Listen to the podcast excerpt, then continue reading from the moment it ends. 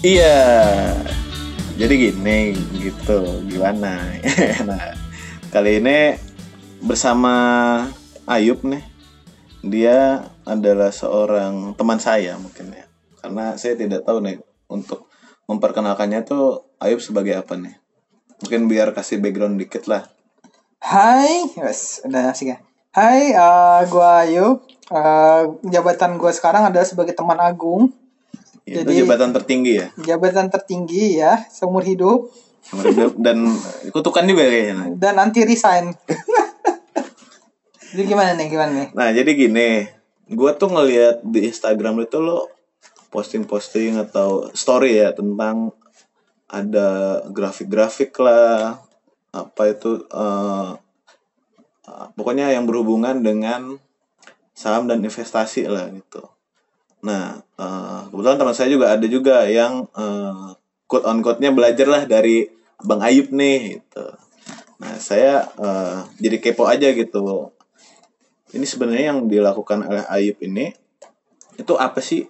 Karena bayangan gue terhadap saham dan investasi itu jauh banget gitu. Kayak, wah itu mah kayaknya orang-orang yang eh, dalam tanda kutip pinter-pinter lah untuk baca data atau apa segala macam. Nah, apakah saya yang notabene orang biasa-biasa aja nih yang cenderung eh, malesan juga orangnya mager gitu bisa berkecimpung juga tuh di eh, dunia per apa namanya disebutnya apa ya Investasi ya. dunia perinvestasian gitu lah mungkin awal muasalnya gue mau nanya dulu sih sebenarnya investasi itu apa dan emang sepenting apa sih investasi itu yuk Oke. Investasi itu ke eh, pada dasarnya adalah investasi itu untuk menyiapkan masa depan lu. hmm. kayak gitu masa depan di sini artian dalam ini ya eh, uang atau kekayaan kayak gitu hmm. nah karena karena apa karena lu nggak tahu nih lu bisa keadaan bisa bekerja itu sampai umur berapa tahun kayak gitu. Oh. Lebih ke kayak gitu sih. Hmm. ada orang yang menyiapkan masa depannya dengan dengan menabung misalkan. Nabung bagus cuma Hmm. investasi sebenarnya akan lebih bagus kayak gitu. Berarti mungkin gue nangkepnya karena juga saya pemalas gitu kan. Saya nggak pengen juga nih kerja mulu sampai tua gitu. Betul. Jadi gimana caranya biar walaupun saya tua tetap ada Pemasukan. kestabilan finansial gitu, tapi gue juga kerjanya nggak yang full tenaga gitu karena semakin tua kan kita juga semakin loyo ya. Kecuali yang olahraganya kenceng juga dan nggak males kan saya orangnya pemalas nih. Gitu. Saya ngundang Anda aja yang bawa martabak Anda nih. orang bintang tamu yang disuguhin lu malah bintang tamu asik bintang tamu tamu sih bukan Tahu ya. bintang Bintangnya mah di langit. Iya. Nah, eh, apa sih pentingnya si investasi ini dan apa sih investasi itu? Eh tadi udah ya? ya jadi intinya sih lu gini balik lagi ke mana ke yang tadi Pentingnya investasi. eh, kerja lu pertama nggak akan tahu lu bisa kerja. Fisik lu ini kuat bekerja sampai umur berapa. Kedua adalah lu pasti eh gue nggak tahu sih kalau lu Gung. Hmm. apakah akan berkeluarga atau enggak yang pasti lu pengen menikmati eh waktu lu kelak sama keluarga full sama keluarga. Ya. kayak gitu. Nah yang bisa dilakukan adalah sekarang yang menyisihkan uang lu pendapatan lu dari kerja keras sekarang ke apa ya ke hal yang bisa berkembang dong. Hmm. mengembangkan uang lah intinya. Kayak gitu sih. Nah investasi itu adalah mengembangkan uang lu yang lu punya sekarang untuk lu nikmatin bertahun-tahun kemudian. Berarti ibaratnya kalau menabung itu cuman eh, nyimpen duit gue sekarang nih, sebenarnya sama juga kan dengan menunda kesenangan dengan me- memakai uang itu. Tapi bedanya adalah eh, di sini nggak cuman di save doang nih disimpan doang, tapi ternyata duitnya kita itu juga bisa eh, quote on quote jadi berkali lipat atau bertambah mungkin biar omongannya ini nggak kayak MLM banget nih yo karena Diberanakin. ah beranakin gitu karena eh, buat orang-orang kayak gue nih kayak ka- kata-kata agar uang yang bekerja dengan untuk Hmm. anda atau yang uh, passive income segala macam itu uh, mimpi banget gitu maksudnya Hmm. kurang napak tanah sedangkan uh, gue tuh orangnya pengennya bener-bener real napak karena uh, keputusan untuk berinvestasi kan itu komitmen juga gitu nggak yang cuman uh, bulan ini doang terus tahu bulan depan ah yaudahlah gitu. Nah itu pentingnya uh, pentingnya apa itu? Tadi kita di mana investasi. Iya, pentingnya boleh ya. Nah uh, beda investasi sama tabungan deh Oke, ini sih ya tadi paling simpel sih apa itu investasi adalah memberanakin duit, memberanakin duit ya memberanakin duit dengan cara yang jelas, halal dan teruji. Nah, berarti mungkin lebih jelasnya memberanakin duit dan ngegedein duit, tapi sama orang tua lain. Tapi itu Ah. anak kita, Bisa dibilang kayak gitu. bisa dibilang kayak gitu. Nah, eh, berarti eh, caranya untuk kita kita udah Memberanakin. beranak nih anaknya, eh duitnya gitu. Duitnya biar bisa Gede. digedein sama orang lain itu gimana sih? Nah, itu dia kenapa gue milihnya saham. Ah, Nah, eh, apa apa pengertian saham dulu kali ya? ya, Saham itu ada bahasa tongkrongan banget sih. Ini kita ngemodalin orang lah, ngebodalin orang. ngemodalin ya, Hmm. ngemodalin orang usaha kayak gitu. Misalkan nih eh, di depan tuh ada warung nih. Hmm. lagi mau mungkin lagi berjalan juga cuman eh, kita nitip duit lah di situ jadi ketika misalkan si warungnya ini udah mulai ngejual barang yang lebih mahal nih duit kita juga yang di dia itu lebih banyak gitu nggak sih Lebih lebih detailnya gini sih. hmm. Di warung depan ada eh di depan ada warung nasi uduk Hmm. dan lu lihat pertama nasi uduknya enak banget. Hmm Terus yang beli rame. ya Terus lu lihat ini bisa lebih gede lagi nih. Wah, ini tadinya warung cuma satu meja bisa jadi lima meja nih. hmm Nah, lu mikir ah gua modalin aja nih hmm sama yang punya warung. Cuma perjanjiannya adalah tiap keuntungan tiap bulan eh, nanti dibagi ke lu 20% misalkan. hmm Kayak gitu. Nah, lu kan sebenarnya ngemodalin warung dan lu mengambil keuntungan dari warung itu dong. hmm Karena lu yakin nih, nih, nih warung ke depannya bakal berkembang karena nasi uduknya enak, banget. Ah, Nah, it- cuma ini saham itu dalam skala gede. dalam skala Perusahaan gede, gede. perusahaannya Hmm. Lu ngemodalin juga, hmm cuma skalanya gede banget. hmm Kayak gitu. Pokoknya. Hmm, tapi eh, jika dibilang bahwa saham itu adalah eh, yang gedeannya banget, sebenarnya itu seberapa gede sih? Apakah sebenarnya bisa dimulai dari yang kecil-kecil dulu nih? Bisa banget, bisa banget. Jadi banyak kepikiran kan saham itu wah cuma orang kaya nih apa nih? Hmm, cuma orang kaya yang bisa beli saham nih. Gedongan, gedongan ini. Tukang insinyur doang nih yang bisa beli. Yang sarjana. insinyur. Padahal, sekarang mah saham itu lu punya duit seratus ribu juga udah bisa beli saham oh iya, kayak gitu ya kayak gitu seratus ribu lu bisa dengan mulai seratus ribu setoran awal udah bisa seratus ribu tuh beliin saham hmm, bagaimana tuh? Maksudnya eh, awalnya gue kan nggak kebayang tuh, gue gue kebayangnya juta-jutaan dulu segala macem. Nah, gue bertahunya nih kok bisa seratus ribu doang tuh bisa dipakai untuk memulai tuh kayak gimana sih? Ya sekarang sih aturannya lebih fleksibel lebih longgar juga Hmm. Nah, dengan seratus ribu sekarang bahkan lu bisa beli saham itu online daftar buka akun saham tuh bisa lewat HP doang kayak gitu Hmm, bisa gampang. bisa dapat cashback nggak? Ya? cashbon nah ya Gimana tuh caranya? Misalkan, oke nih, gue mungkin eh, nggak bisa atau males nih kalau yang gede-gede karena gue kan takut juga nih, kan. insecure lah gue yang belum belum kenal nih kan. Hmm.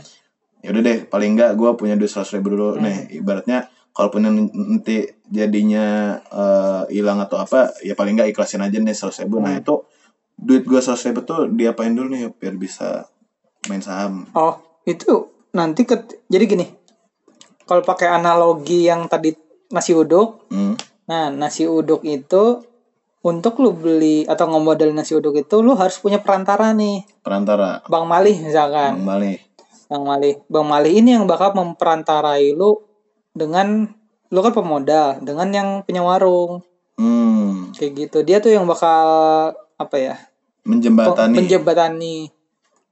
Kenapa menjembatani? Ya karena ini stat- statusnya perusahaan gede kayak Iya. gitu. Duitnya tuh ada nggak bisa segampang kayak ke warung kayak gitu. Hmm. Kayak gitu. Nah, yang pertama lu lakukan adalah ke perantaranya itu. Si Mali ini siapa sih? Nah, kalau dalam saham adalah ini sekuritas. Sekuritas. Hmm, Kalau lu apa suka lihat tuh eh, misalkan bawa merek lah ya. Eh, BCA Sekuritas pasti lu pernah Oh, kayak baca iya. BNI Sekuritas Mm-mm. apa sekuritas nah itu tuh sebenarnya perantara Hmm. kayak gitu saya mau buka rekening rekening buat investasi dong gitu jadi rekening tabungan tuh rekening itu tuh sebenarnya ada dua Hmm. pertama rekening tabungan kedua rekening inve- investasi Berarti ketika kita punya rekening let's say BCA lah, Hmm. tidak sekonyong-konyong kita juga bisa langsung invest, tapi kita juga harus buka satu rekening lagi berarti. iya kayak gitu Hmm, itu ya tinggal ke bank aja sih tinggal sebenarnya. bilang aktifin aja sama aja bedanya adalah kalau tabungan duitnya lu bisa lu ambil di ATM langsung tuh Ya, kalau eh, investasi nggak bisa nggak bisa. lu harus kayak dicairin dulu tuh ke rekening tabungan lu Oh, gitu. kayak gitu Hmm. nah nah rekening investasi gimana cara ngisinya Hmm. sebetulnya sama kayak apa ya kita tuh kayak pakai saldo gitu kita transfer dulu Hmm. transfer kayak kita ngisi GoPay aja. Transfer ke situ nanti yang di rekening yang GoPay-nya ini Hmm. ya lu bisa buat beli saham jual beli saham Buat bisa buat beli saham ataupun juga bisa di-redeem ke ATM kita gitu. Redeem. Kalau misalnya kita mau narik. iya Oh, gitu. kayak gitu Nah, berarti sebenarnya si Bang Malihnya ini itu adalah perantara perantara tapi ada di dalam eh, orang rekening kita juga gitu. enggak beda Beda. beda Hmm. Tapi bisa melalui si eh, sekuritas tadi. Iya, sekuritas itu. Kayak gitu sekuritas. Nah, sekuritas pasti mikir kan, sekuritas dapat untung dari mana sih? Ya. Kok mau maunya? Ya karena mereka ada fee transaksinya. Lu beli saham ini, Hmm. nanti kena lu kena cas berapa, lu jual kena cas berapa. Nggak gede sih 0, sekian persen berapa gitu beda-beda. Hmm, tapi itu juga berarti kalau beda-beda si Bang Malihnya itu eh, tergantung si eh, bank apa yang pengen lu bikin rekening buat investasi itu dong. Nah, lebih tepatnya ke sekuritas ya kita nyebutnya. Hmm. Sekuritas itu nggak harus bank sebetulnya. Oh, sekuritas bank. ada perusahaan sendiri, sekuritas ada. Oh gitu. Hmm. Sekuritas yang tidak bank juga ada. Hmm. Kayak gitu. Kita butuh si sekuritas itu di awal doang atau kita harus tetap Harus tetap pakai sekuritas itu. Hmm, karena dia ini ya yang quote on quote menjamin bahwa duit yang lu coba untuk modalin si warung itu beneran dimodalin gitu. Bisa dibilang kayak gitu. Hmm. Ya kayak gitu. Jadi ya lu bertransaksi harus lewat dia tuh. Hmm. Karena lu pakai platform dia. Nanti entah lu aksesnya di HP, di website, lu pakai jasa dia lah intinya. Kayak gitu. Oke, let's say kita udah ketemu Bang Malihnya nih dan udah eh, udah udah bisa untuk eh, ngamodalin warungnya Hmm. gitu. Terus eh, gimana tuh cara kita bisa tahu nih warungnya itu enak apa enggak? Ini warung itu kira-kira besoknya bakal buka cabang atau enggak gitu. Buat orang awam nih, misalkan gua kan baru Hmm. baru apply juga misalkan. Hmm. Apa Ah. sih yang harus diperhatiin? Kalau untuk awal banget, eh lu bisa ngelihat, nah kalau di Indonesia tuh ada namanya LQ45. LQ45. LQ, eh, LQ45 itu daftar saham-saham yang saham-saham dari perusahaan yang bagus lah. Biasanya tuh perusahaan-perusahaan gede Hmm. kayak gitu. Ya udah lu pertama cari aja perusahaan yang lu kenal aja gitu. Misalkan perusahaan dari bank bank yang lu pakai rekeningnya. Hmm. Logikanya kan kalau lu pakai rekening itu lu percaya dong nih nih bank bagus kerjanya Hmm. kayak gitu atau misalkan eh perusahaan yang bikin makanan lu sehari-hari Ya, Indomie atau apa itu aja simple itu sebenarnya yang familiar berarti ya. Yang familiar aja Yang sering kita lihat juga. yang produknya lu pakai lah intinya Iya, yang ya eh, untuk yang step awal banget ya, Yup, ya. Hmm. Karena eh, ya kita benar-benar tahu nih, misalkan ternyata sebuah merek kecap itu udah nggak ada lagi, wah berarti nih sudah mungkin turun gitu. Hmm. Jadi eh, ketika lebih familiar ke kita, mungkin itu lagi bagus berarti. betul Nah, di saat kita tahu itu kayaknya bagus, mungkin bisa kita modalin ke ke perusahaan itu kan. Mm-mm. Nah, tapi kan nggak cuma sampai segitu aja nih. Eh, untuk bisa tahu selanjutnya nih ketika oke gue modalin si eh, perusahaan kecap A gitu. Terus apalagi yang harus gue lakukan?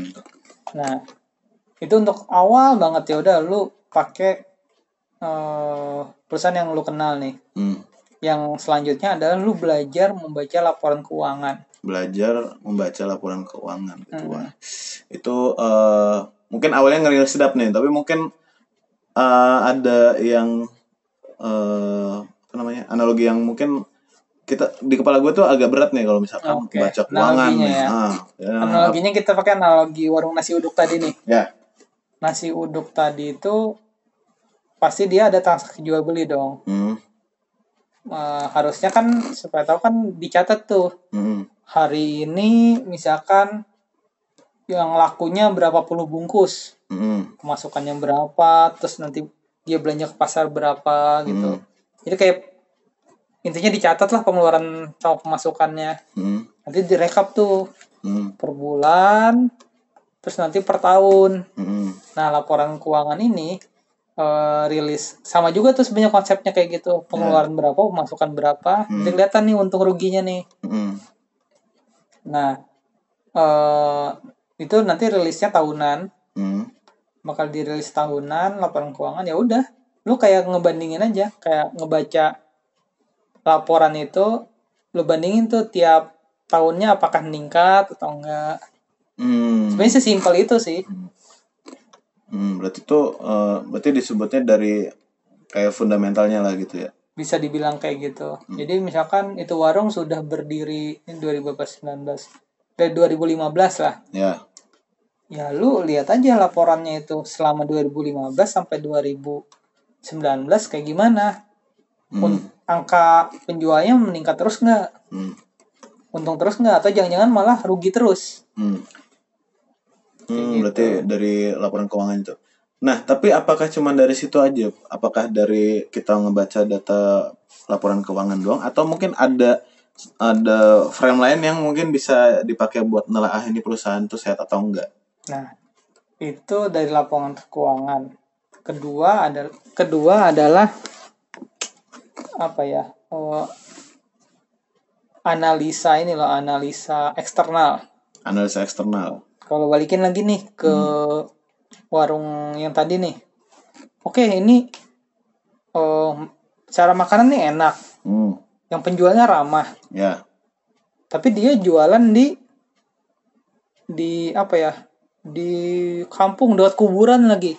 Hmm, ya nggak ada yang beli dong. Hmm, dan juga atau misalkan eh makanannya enak. Hmm, yang jual ramah ya. sekarang emang eh, dia jualan di proyek nih di proyek apa ya Pembangunan. di ya banyak misalkan yang kulit-kulit proyek belanja di situ Hmm, cuma kan namanya bangunan itu kan ada waktunya. ada waktunya kan Hmm. nah lo harus peka tuh kayak gitu yang hal-hal eksternal kayak gitu tuh Oh iya iya berarti ibaratnya eh ini laku banget nih gue modalin sekarang nih. Hmm. Tapi ternyata mungkin eh, orang yang beli pada saat itu emang lagi rame, Hmm. tapi itu ada waktunya dan kita harus bisa tahu nih kira-kira si eh, akan terus menerus kah akan atau terus enggak menerus Nah, atau itu. emang ini adalah fasenya aja gitu musiman musiman. Hmm, ya kayak gitu Nah, itu kalau di dunia eh, per investasi dan sahamnya itu eh case-nya kayak gimana tuh? contohnya adalah paling ini istilahnya silikal sih itu Kalau bahas sederhananya gimana ya? Silikal itu yang buat jalan. Iya. Terus yang mana nih lupa? Iya, iya, iya, iya. kan konsentrasi hilang. Ke ini sih, eh, misalkan ke tambang. Tambang. Tambang. Oke, 10 tahun yang lalu tambang tuh emang gede-gedean tuh. Ya. Harga, harga gila-gilaan. Mm. Sekarang ambruk tuh. Kenapa? Pertama, Cina, Cina kan yang importir tambang terbesar juga tuh. Ya. Cina ternyata Cina udah punya tambang sendiri, jadi mereka nggak perlu impor nih, misalkan kayak gitu. Hmm. Akhirnya harga tambangnya jatuh, nggak nggak ada nggak laku, nggak ada yang beli. Hmm, gitu. Kedua adalah sekarang orang sudah banyak apa ya energi terbarukan, Energi terbarukan. Oh, tren juga berarti ya. Kayak gitu bakal kayak gitu. Jadi lo harus kayak peka gitu. Oh, berarti eh, dari banyak sisi juga nih kita ngelihat si perusahaan mulai si tambang ini misalkan belakangan lagi banyak demo nih tentang kerusakan lingkungan segala macam itu ngaruh berarti yuk Bisa ngaruh, bisa ngaruh dan kebijakan pemerintah itu juga bisa ngaruh ngaruhnya gede banget. ngaruhnya gede banget Hmm. Kayak kemarin deh, ambil paling contoh nih. Em, baru seminggu kemarin tuh pengumuman Hmm. harga cukai rokok bakal naik tahun depan. oh ini by the way ini kita di bulan September. September, ya September 2019 nah ya terus tuh yang Tahun depan. rokok Tahun depan harga cukai rokok bakal naik bakal naik. hmm. Yang berarti harga rokok bakal naik juga dong. Hmm. Kalau harga naik, ada kemungkin ada berapa kemungkinan nih? ya Bisa jadi pembeli itu berkurang. hmm. Bisa jadi keuntungan berkurang. Ya Nah, kalau itu kan perusahaan artinya kan bisa rugi dong. hmm. Nah, itu harga saham tuh bak jatuh habis-habisan tuh. bakal jatuh habis-habisan Jatuh habis-habisan. Padahal cuma selisih sehari aja tuh setelah eh, ada kebijakan kayak gitu. Nah, bagaimana kalau misalkan gue melihat fenomena itu malah justru, wah ini lagi jatuh nih, gue beli aja sekarang, siapa tahu nanti ke depannya akan berubah dan malah naik karena kalau lagi tur- turun kan harganya lagi turun juga kan berarti. Betul. Dan daya beli gue terhadap saham si perusahaannya lagi anjlok ini berarti bisa gitu. Dibanding pas lagi naik-naiknya gitu. Itu menurut lo pandangannya gimana? Itu pertanyaan bagus. Hmm. Nah, eh, itu juga yang bikin investor-investor tuh cepet kaya sebenarnya. Oh iya. Mereka beli seharga saat jatuh-jatuhnya. Hmm. Jatuh banget tuh. Eh, dan mereka menjual pas harga nanti tinggi. Hmm. Kayak gitu sih. Nah, tapi untuk yakin itu apa ya? Kayak menganalisa ini saham bakal naik lagi itu yang susah. Itu yang susah. Susah. Itu butuh pengalaman sih. Dan insting juga kali ya. Insting juga dan harus ya balik lagi keyakinan. Hmm. Lu beli harga nih, oh gue beli harga segini. Gue beli karena gue yakin berapa tahun lagi bakal naik, pasti naik. Itu kan balik lagi ke keyakinan lu. atau yakin juga bahwa kayaknya orang Indonesia mah walaupun cukai dinaik-naikin tetap juga bakal beli gitu ibaratnya. Betul. Mungkin sama juga kayak uh, bahan bakar gitu ibaratnya walaupun mungkin dinaikin nih konsumsi terhadap bahan bakar itu nggak akan turun mungkin itu gimana tuh menurut lo? Ya, bisa jadi kayak gitu. Kayak itu istilahnya silikal tadi. Ada saham yang kuat terhadap tren. Hmm, Eh, sorry. Saham yang mudah dipengaruhi oleh tren. ya. Ada saham yang tidak ter- terpengaruhi oleh tren. Yang tidak terpengaruhi itu misalkan makanan. Ya. Ya kalau orang krisis, orang makin banyak makan Indomie dong. Iya betul. Tetap ada yang beli dong. Iya betul. Simpel itu. Beda halnya misalkan kalau krisis, ya orang mungkin nggak beli HP kayak gitu. Ya saham-saham Oh. elektronik bisa turun. Berarti ya itu ya, kita juga harus tahu dan bisa memilih dan mem- bukan memilih dan memilih. Kita bisa mengkategorikan si perusahaan ini bergeraknya di bidang apa dan Betul. itu impactnya kita ngebacanya kayak gimana gitu ya. Ya. Sektor saham tuh Sektornya. ba- sektor saham tuh banyak sih. Ada Ya. tambang, ada Teknologi. media, teknologi. Teknologi itu lebih, lebih ke pabrik sih. Oh iya iya. Pabrik gitu. Untuk teknologi beneran teknologi, seingat gue Indonesia belum ada deh. Hmm. Oh ada deh ada. Tapi nggak full teknologi banget. Berarti kalau tadi dari cerita yang gue tangkap berarti yang eh, dalam tanda kutip lebih aman berarti itu eh, makanan dong atau Makanan tuh paling paling apa ya? Tidak terpengaruh. hmm, berarti bisa dong misalkan gua kan mau belajar dulu nih yang awal-awal. Oh yaudah gue biar eh, lebih enteng atau lebih eh, buat belajar gitu eh, gua ke nanam sahamnya ke perusahaan makanan gitu. Itu benar nggak? Itu masuk yang aman. amannya dulu gitu ibaratnya kan. Sebelum gua bener-bener tahu informasi lainnya ternyata oh ternyata ada perusahaan-perusahaan lain yang eh, bisa lebih berkembang juga dan segala macem gitu Bisa sih.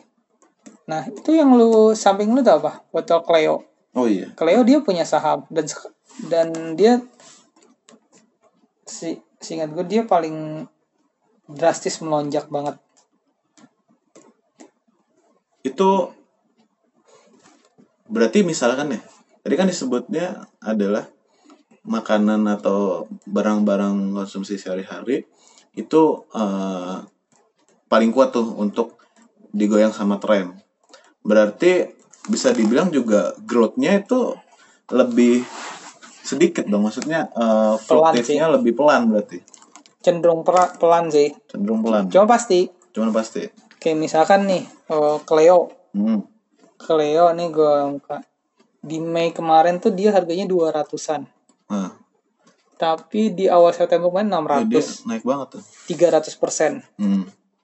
Ya lu ibaratkan misalkan taruh beli Cleo Hmm. di bulan Mei 10 juta. Lu biarin duit lu situ September tadi udah 30 juta. Hmm. Lu biarin doang.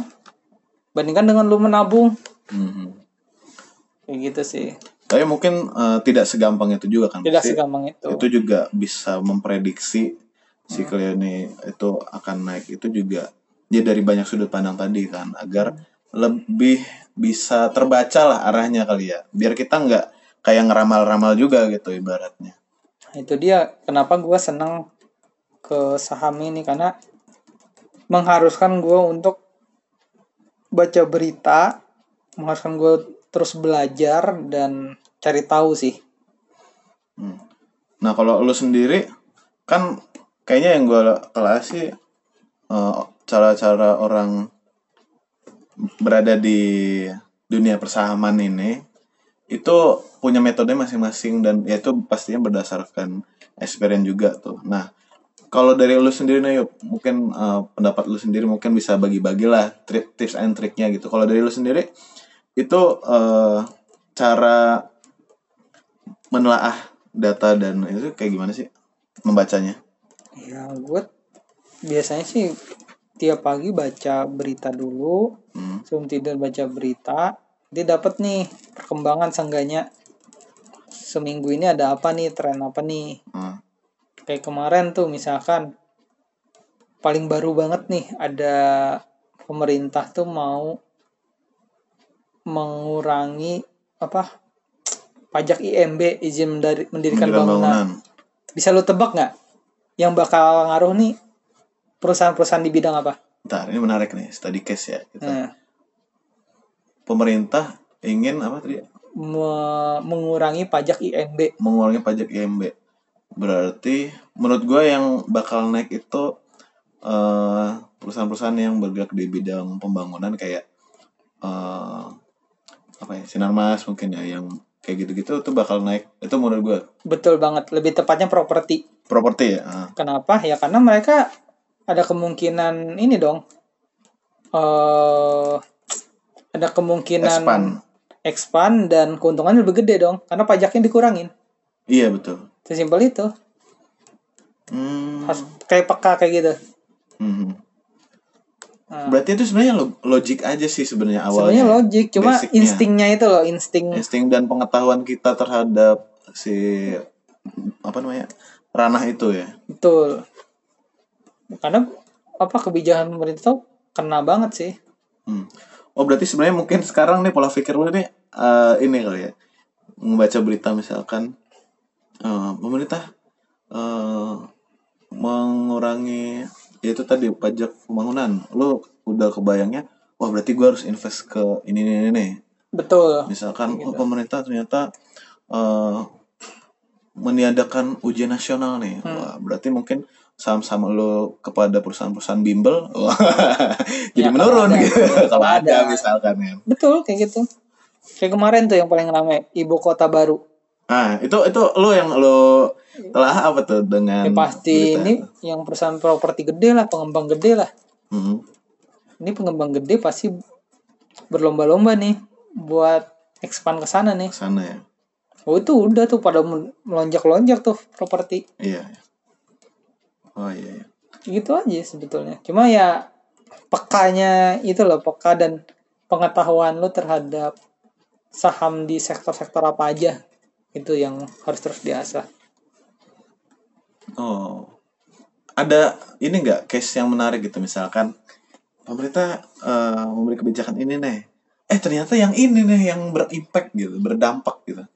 Pernah ada lo nemuin fenomena itu enggak? Paling baru ini. eh kayak kemarin yang rokok. Ya. Yang rokok tuh eh jangan rokok deh. Yang gitu. Eh mungkin kaitannya sama politik juga kali ya. Ya. Yang menarik itu tuh Erick Thohir. Hmm. Erick Thohir itu kan dia yang punyanya Mahaka.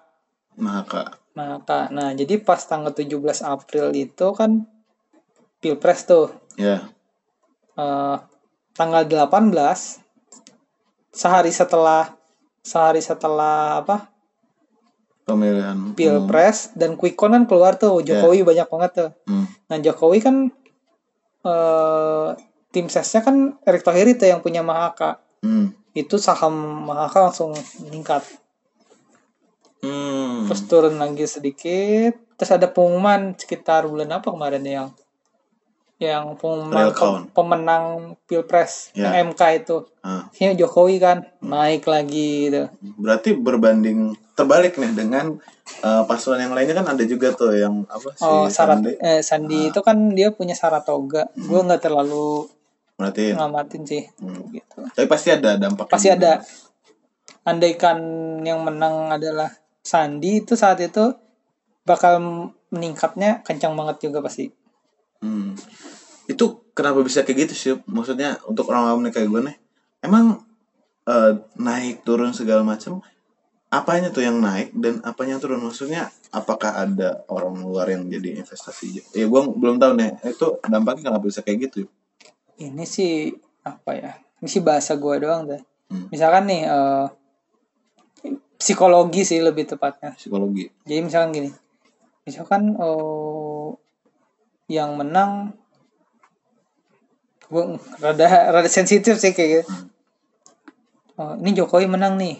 Nah, menang. Ini kan kita misalnya nih ya, misalnya. misalnya, ya Jokowi menang.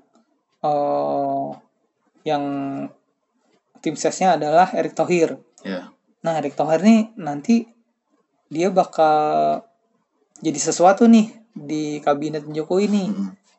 Bisa jadi dia dapat proyek apa itu proyek apa ke perusahaan itu Mis- misalkan ya.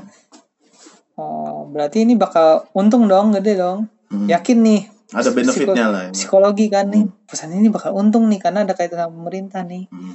kayak gitu sama juga kayak saham-saham ini properti BUMN Ya. waktu Jokowi menang 2014 Hmm. orang-orang dan Jokowi kan waktu itu kan eh konstruk apa sorry infrastruktur Infrastruktur. infrastruktur kan butuh BUMN yang ngebangunnya Ya.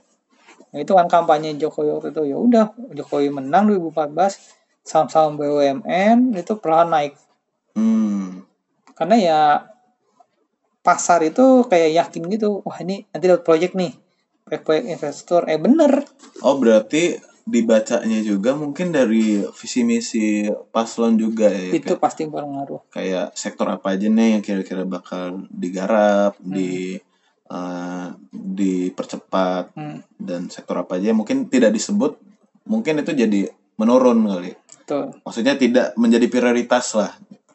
nggak usah gitu deh Eh, ya paling simpel sih apa ya ekonomi dan politik kan ngaruhnya erat banget Ya. lu misalnya punya perusahaan terus lu jadi tim ses apa Hmm. terus pas calon yang lu usung menang lu pasti dapat kecipratan sesuatu lah Hmm. ya orang yakin dong ah sahamnya si Agung nih bakal eh perusahaannya si Agung nih bakal dapat proyek nih. Hmm. Ya udah, orang pada modalin lu, wah yakin nih karena prospeknya gede. Hmm. Itu tuh menariknya. Itu kan tadi dari sektor politik dan apa? Ekonomi. ekonomi dan politik. Kalau dari budaya nih, menurut lo gimana nih? Gue tuh uh, nge-capture dikit itu tentang budaya orang Indonesia tuh udah mulai bergeser nih dari uh, dengan adanya perusahaan kayak Gojek nih, dengan online marketplace juga lagi gede-gedean banget nih. Itu pasti merubah budaya kita yang awalnya uh, pakai kendaraan pribadi lah, jadi lebih uh, percaya sama kendaraan online gitu itu kan sedikit banyak merubah budaya nih itu pandangan lo kayak gimana tuh ngeliat fenomena uh, perubahan change behavior dari sebuah negara lah paling nggak di kota lah gitu. kalau mungkin di desa nggak terlalu ada impactnya ya Oke, eh, tadi lu bawa case-nya apa? Eh, pesan online ya. iya Bentar, bentar nih gue sambil buka ini. eh jangan buka baju mas Iya. celananya aja iya Lu t- eh, Gojek dan kayak Grab gitu tuh sebenarnya bukan belum IPO atau IPO. sahamnya belum dijual buat publik hmm gitu. Tapi lu sadar nggak apa yang terpengaruh banget sama sama online transportasi ini? ya pastinya transportasi offline dong Betul sekali. Hmm. Dan lu lihat ini ini grafik waduh Bluebird hmm dari awal dari April kemarin sampai sekarang hmm terus menurun ya. hmm Kenapa? Ya bisa jadi orang-orang yang invest ini udah kayak nggak tanda kutip ngeliat prospek gitu. hmm itu Simple dia karena tergantikan sama online. Coba ini satu tahun, satu tahun kayak gini nih. Naik turunnya parah fluktuatif banget ya banget. Tuh tiga tahun aja. Hmm. Tapi kalau melihat dat apa datanya kayak gitu, mungkin di ceritain secara visual karena ini kan kita audio nih. Oke, ini yang sambil dilihat adalah eh, harga sahamnya Bluebird Hmm. di tahun 2015 Hmm. sampai 2019. Hmm. Di 2015 itu harganya tuh sempat nyentuh nyentuh 12.000. Hmm. Sekarang 2019 12.000. Eh sorry, 2000 2000-an. 2000-an. Ah. Berarti dia seperenamnya turun. Hmm. Kenapa? Lo lihat aja ingat-ingat 2015 itu Ada apa? Gojek dan Uber dan Grab baru masuk Indo kan. Ya, Dan itu merubah banget kan. merubah banget. Makanya jatuh. Jadi karena orang kayak udah kayak ngelihat ah ini nggak ada prospeknya lagi ah, ah gue jual murah aja lah ininya sahamnya Hmm. kayak gitu. Ini yang paling kena banget sih Mhm. teknologi. Sayangnya Gojek dan itu belum dijual untuk umum gitu aja. Mhm. Hmm, berarti mungkin justru dengan adanya eh, perusahaan online dalam mungkin dalam waktu cuman beberapa tahun belakangan kan itu dampaknya ke yang lain justru besar banget ya berarti ya. Dampaknya besar banget sih, betul. Kayak disrupsinya kan. Nah kalau misalkan emang Gojek dan Grab belum IPO nih, eh, yang diuntungkan selain eh, yang diuntungkan tuh perusahaan apa tuh? Ini kan yang dalam tanda kutip eh, dirugikan lah kalau gua bisa eh, ngomong secara sembarangan ya. Nah tapi kan pasti ada tuh yang bakal yang impactnya malah justru baik gitu. Nah eh, lo merhatiin juga nggak?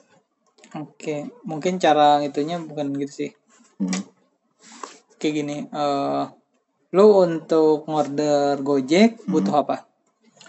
Butuh GoPay dong. Nah, Oh HP mm-mm. Ah. HP butuh buat Butuh. bisa berkoneksi. pulsa Tiap pulsa kan disediakan sama.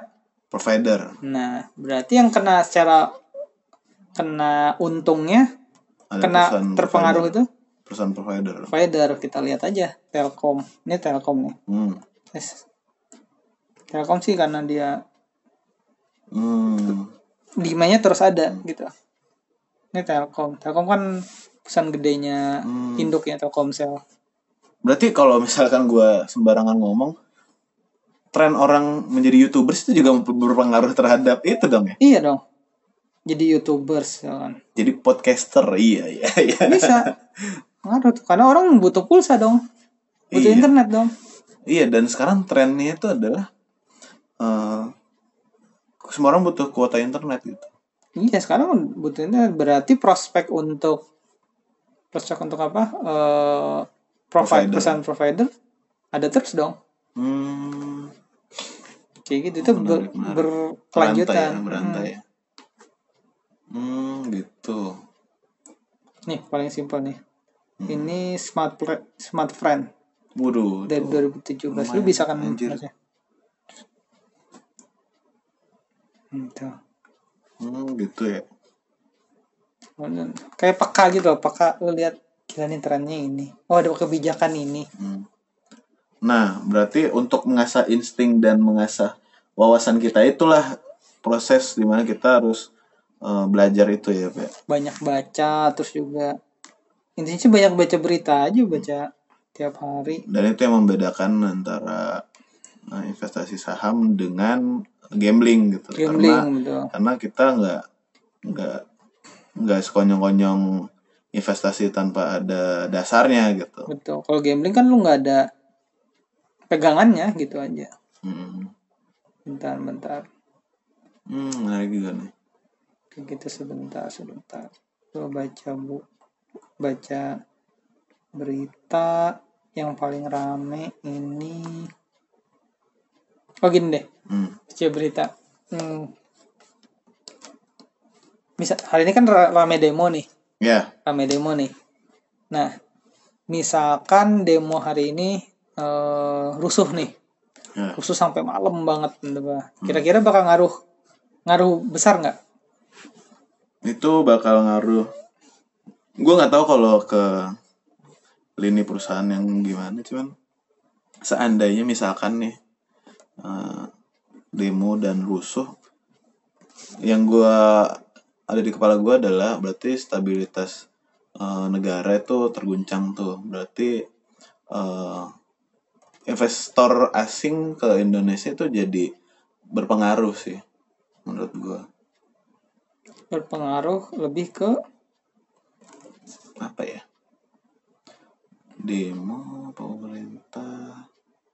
Oke mungkin lebih tepatnya gini cuy ah misalkan rusuh nih hmm, investor asing dapat berita jelek nih Indonesia rusuh nih. Hmm. nah kan narikin duitnya dong ah dari Indonesia. Mm-mm. hmm. takut dong karena ah duit gue taruh di negara nggak aman tuh. Hmm. simpel itu harga kerjanya jatuh harga jatuh tuh. Hmm. harga sama itu pernah kejadian tahun ini waktu zaman ini ya pilpres juga dong berarti. Pas apa coba? Pas pemilihan presiden dong yang waktu malam itu de apa demo dan rusuh itu kan betul itu pas bulan Mei tanggal 22 pas pengumuman Bawaslu itu kan. Ah. lihat aja tuh saat itu Hmm. merah. Iya, iya, iya. tuh. Ini ini Bank BCA ya. Oh itu berarti dampaknya rata ya maksud gua rata jika yang tadi kita bilang bahwa perubahan budaya, perubahan politik segala macam itu adalah mungkin perusahaan-perusahaan tertentu yang impactnya kena. Nah ini kalau misalkan kestabilan negara yang terguncang itu semua hampir, gue bisa bilang semua nggak sih? Semua perusahaan itu ya hampir bakal- kena Mei kemarin tadi Bank BCA ini Telkom kena Oh, juga iya, iya. terus apa lagi Perusahaan makanan deh Hmm. Java tuh kena juga dia Oh, iya. turun Gak semua Hmm. tapi sebenarnya ini tuh peluang Iya, gue tadi juga mikirnya gitu. Karena jika trust masyarakat terhadap eh, pemerintah itu tetap tinggi, maksud gue ketika rusuh itu kan sebenarnya oknum dan segelintir doang tuh, tapi itu cukup menarik eh, membuat harga saham pada turun. Tapi ketika persaingan itu balik lagi, itu bakal naik. Naik. Dan di saat lagi turun itu justru malah peluang ya. betul nah makanya ini misalkan ambil perusahaan mandiri deh PM terus Bank mandiri eh mandiri malah ini sebentar ya Bank BCA aja deh paling gampang tuh misalkan pas saat turun nih lu Iya. beli nih dua puluh ribu. Dua puluh lima ribu. Lu tahan aja dua bulan. Ini Iya. Bang BCA ya. Bang BCA tuh 25 ribuan pas kerusuhan Mei kemarin. Dan puncaknya tuh sekitar Agustus tuh udah nyentuh 31 ribu. 30 ribuan lah. Naik 5 ribu rupiah. Hmm. Wah itu peluang banget ya. Hmm, kayak gitu. Hmm. makanya sekarang juga pemerintah kan ngencengin buat investor lokal tuh Iya. banyak invest dong banyak invest Hmm. sebenarnya kan karena ini Hmm. ketika ada berita apa pun ekonomi stabil aja kayak gitu Hmm. karena kan orang asing kan kalau misalkan lihat ada apa gitu ada rusuh ini ya mereka gampang aja tinggal Narik. narik duitnya Hmm. kayak gitu Berarti gue bisa ngeliat gini sih. Berarti misalkan nih kita bermain, eh bukan bermain lah.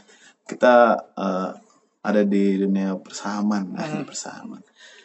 Gue sih ngerasanya ya, eh, walaupun gue belum mulai nih, belum mulai atau, Hmm. cuma gue ngelihatnya eh, kalau kita tahu informasi yang berjalan tentang negara kita gitu, sebenarnya kayak ownership kita terhadap perusahaan, eh terhadap negara itu juga naik ya, ibaratnya ada secara psikologisnya jadi selalu ingin negara baik-baik aja gitu biar eh, biar apa terus namanya, untung kan terus intinya. untung dan eh negara juga jadi lebih grow aja sih betul sebenarnya si- simpel itu sih karena kalau lo punya saham di negara lo sendiri lo nggak pengen negara lo rusuh dong nggak pengen amburadul dong gitu Iya. aja sih tapi kayaknya saya jadi eh, menunggu nih. Kira-kira ada kerusuhan apa lagi tuh? Jadi agak turun dikit.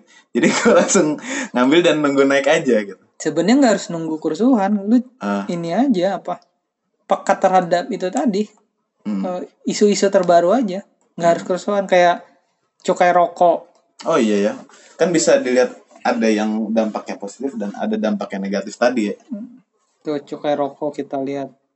Tuh ini gudang garam gudang garam tuh Wadaw. paling ambrolnya parah banget tuh Oh iya, itu lu selip berapa hari doang itu bisa hilang duit banyak ya. hmm.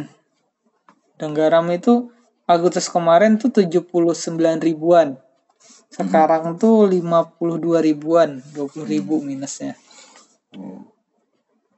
kayak gitu Berarti tinggal ditelaah nih, seberapa percaya sih lu sama perokok gitu. kayak gitu Sehingga itu membuat tetap naik gitu. gua tuh kemarin pas pas yang apa yang cukai rokok gue juga punya saham di rokok Hmm. sampai nanya tuh Kepengen nggak? sampai nanya ke teman-teman gue perokok kalau misalkan rokok naik lu tetap beli rokok nggak dengan merek yang sama Iya. tetap beli kan ya tapi mungkin dikurangin Iya. Ah, biasanya sih bakal dikurangin bakal beli gue tanya kan bakal beli ke rokok yang ilegal nggak Rokok ilegal kan ada tuh yang Ya, yang belum kena cukai juga. cukai enggak katanya soalnya yang kayak tangan tuh nggak enak Hmm. Dan menjangkau juga susah sih. hmm.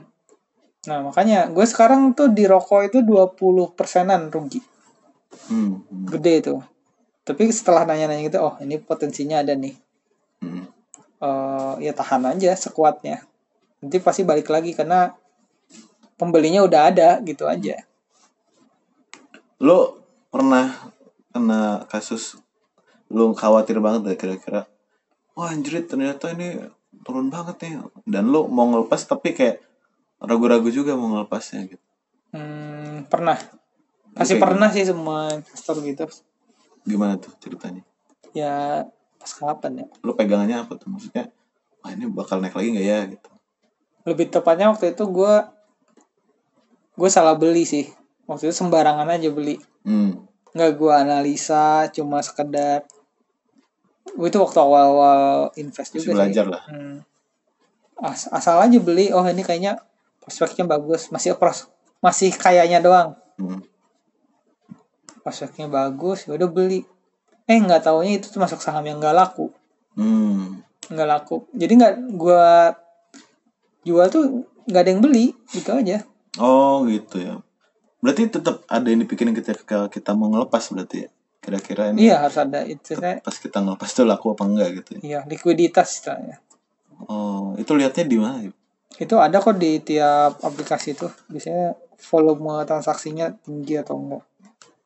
Tuh. Ya, tadi ngomongin aplikasi, sebenarnya aplikasi apa sih? Mungkin eh, teman-teman juga belum tahu dan Paling simpel sih buat ngecek-ngecek doang sih RTI bisnis.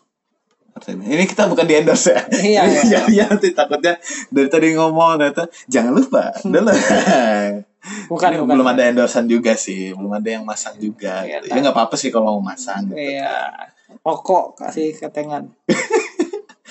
Iya. Gitu sih. Kalau ini gua karena gue agak tertarik di dalam dunia pendidikan sih sebenarnya. eh ada ngaruhnya nggak kalau eh, tentang misalkan eh, kebijakan pemerintah pemerintah tentang dunia pendidikan di Indonesia sama gue nggak tahu adakah perusahaan yang eh, bergeraknya di bidang pendidikan gitu. seberapa pengaruh sih pendidikan orang Indonesia sama keberlangsungan saham Nah, gue sampai sekarang jujur untuk mencari hu- hubungannya itu tuh gue belum dapet sih. Belum dapet Tapi tapi yakin pasti ada. Cuma contoh realnya gue belum dapet sih. Hmm. Kayak gitu. Pasti ada. Misalkan bikin kebijakan tentang pendidikan. Hmm. Ngaruh nggak di saham apa kayak gitu, sektor apa. Gue yakin tuh pasti ada. Cuma gue nggak tahu, belum tahu yang Belum apa. tahu. Hmm. Kalaupun ada juga mungkin tipis-tipis sih. Tipis ya. Hmm. Padahal sebenarnya eh, dunia pendidikan ya impactnya buat masyarakat gede banget gitu kan. Hmm. Pertama ya bu- bukan hal yang diduitin sih istilahnya. Nah, kalau satu sektor lagi nih yang gue juga suka sebenarnya. Kalau di dunia entertainment gitu, let's say musik, film atau apa pun itu, eh, itu ada ngaruhnya nggak sih? Mungkin kalau ngaruh sih eh, Atau ada ada gue nggak tahu apakah perusahaan di bidang entertainment ada yang sahamnya udah IPO atau ada. ada Apakah itu MD Pictures? OMD Nanti. Cuma sih ini kalau analisa gua Hmm. masih belum ini sih masih belum mature banget sih karena dia baru IPO-nya tahun kemarin. oh gitu Hmm. tapi baru itu dong yang lu tahu ya baru itu dong Kalau dari apa namanya? Istilahnya ini production house gitu Hmm. baru MD. Hmm. MD kayak gitu. Dan ini mi sih analisa sotoy gua doang. Hmm. Kayaknya- Nabel lah, Nabel. Annabelle, analisa Gembel. Hmm. Yang punya sahamnya ini tuh mungkin artis. Oh iya iya iya. Ya simpel karena ya mereka di dunia itu. Eh tapi kalau misalkan bukan di Indonesia itu di luaran itu eh kayak dunia entertainment gitu ada yang udah IPO gitu nggak maksudnya Ada. dunia itu ada. Ada. Yang lo tahu kalau di di luar tuh Aduh. lo pernah kepo nggak sih kira-kira "Eh, kalau di negara ini sampai bidang ininya itu ada IPO-nya. Kalau patokan sih apa-apa pasti ke Amerika sih ya saking itunya. Di Amerika itu Uber kan udah IPO. Lu bisa punya saham Uber. Hmm. Kan, tapi kalau di Indo itu singkat gue baru satu doang sih. Hmm. Tapi gue cari Disney ya. Gue nggak terlalu mantengin banget sih buat yang luar. Iya, karena pastinya yang lu udah lebih mature di luar kan. Hmm. Nah, eh, buat pandangan bahwa ternyata di dunia di sektor mungkin aja sih industri bokep juga itu di luar ada loh. Gue nggak tahu tapi kan. Oh, Disney, Disney. Hmm. Walt Disney. Disney IPO kok di luar. Ah. Tuh, Disney. Oh ada ya. Ada. Net, Netflix juga. Kalau kita mau punya saham di luar Indonesia itu bisa nggak sih? Bisa. Itu prosedurnya ada yang lain atau gimana? Ya lu harus baik harus daftar di sekuritas. Sekuritas yang luar berarti. Hmm, sekuritas luar. Atau Ya, sekuritas Indonesia ada yang jangkauannya sampai luar juga? gua kurang tahu untuk itu. Cuma sekuritas luar yang di Indonesia ada. No. Tinggal cari tinggal cari aja gua di Sudirman tuh banyak sebetulnya jangan Sudirman. apa eh, tukang gojek apa Sudirman kan panjang pajarannya Iya iya. Kantor-kantor ada aja sih sebetulnya. Cuma ya harga-harga sahamnya sih mahal-mahal gitu. Mahal-mahal Ya. untuk orang Indo. ya sebenarnya di dunia ini nggak ada yang mahal kita aja miskin Beda Iya. aja nggak ada.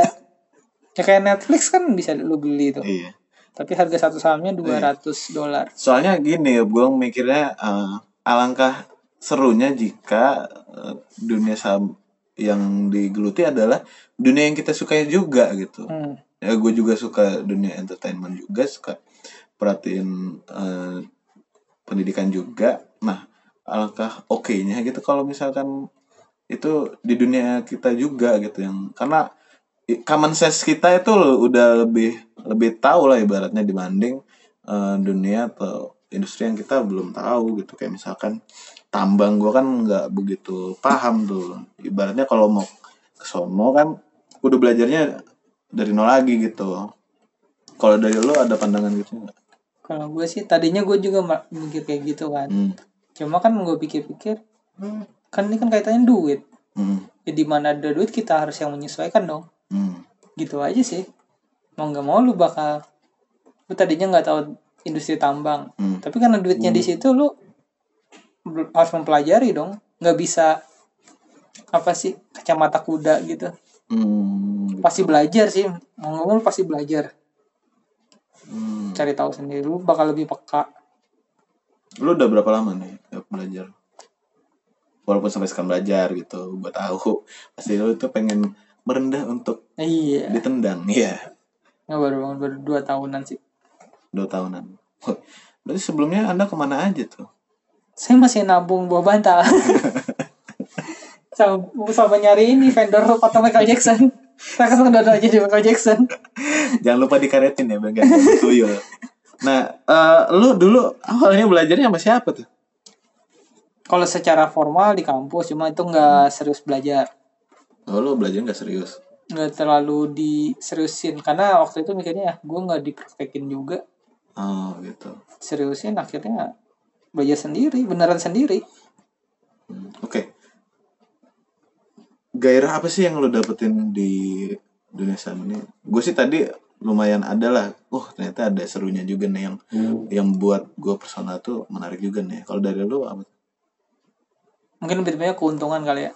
Gairah atau keuntungan? Hmm, lebih ke ini sih. Jika lo mempelajari sesuatu dan ih ada cara bermainnya dan lo kayak ada adrenalin yang nah itu menurut gue gairah menurut gue. Nah lu di dunia uh, persahaman gitu ada gairahnya gak sih? Karena gue yakin ini juga tidak melulu tentang duit juga pastinya. Hmm. Ada sesuatu yang walau bagaimanapun ada gairah yang dimainkan juga. Kalau enggak lah lo bakal bosan kan pasti. Apa tuh yang lu dapet? Ya gue lebih tep- lebih enak ini sih. Karena gue dituntut untuk terus baca, terus update. Gitu sih itu sih gairahnya. Jadi karena Hmm. kalau gue nggak update tuh gue bakal kehilangan momen untuk menganalisa gitu aja.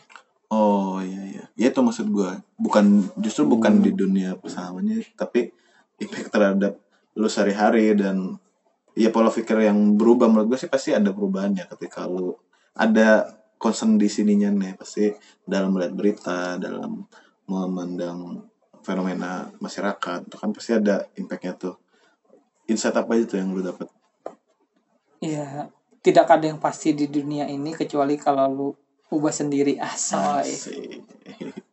Ayub 2019 Iya. aja Sama ini sih lebih karena karena lu kan investasi. Lu kalau udah mikir mindsetnya investasi segala penghasilan lu, lu pengen prioritasin investasi aja. Jadi lu mau nggak mau nggak bakal menghabiskan uang lu untuk yang hal yang tidak bervalue kayak gitu. hmm. kayak gitu karena lo satu sih nanti kalau gue pribadi sih gue belajar kayak minimalism kayak gitu Hmm. oh ternyata minimalism tuh kayak gini oh ternyata ada manfaatnya nih Hmm. oh ternyata ke diri gue gue bisa lebih plong kayak gitu gitu sih Oke, tapi itu apakah tidak menyita masa muda lu yuk? masa muda kayak gimana dulu Maksudnya kan eh, lu juga mungkin eh, 20-an menengah nih, mantap menengah. Yang notabene eh, pasti juga apa namanya eh, tingkat commutingnya juga tinggi, suka jalan-jalan. Ya lu milenials juga lah ibaratnya. Hmm. Yang eh, ya kayak stigmanya adalah BNS kan suka jalan-jalan, Hmm. ngabisin duit segala macam. Lo eh, mengimbangi atau menyikapi itu kayak gimana?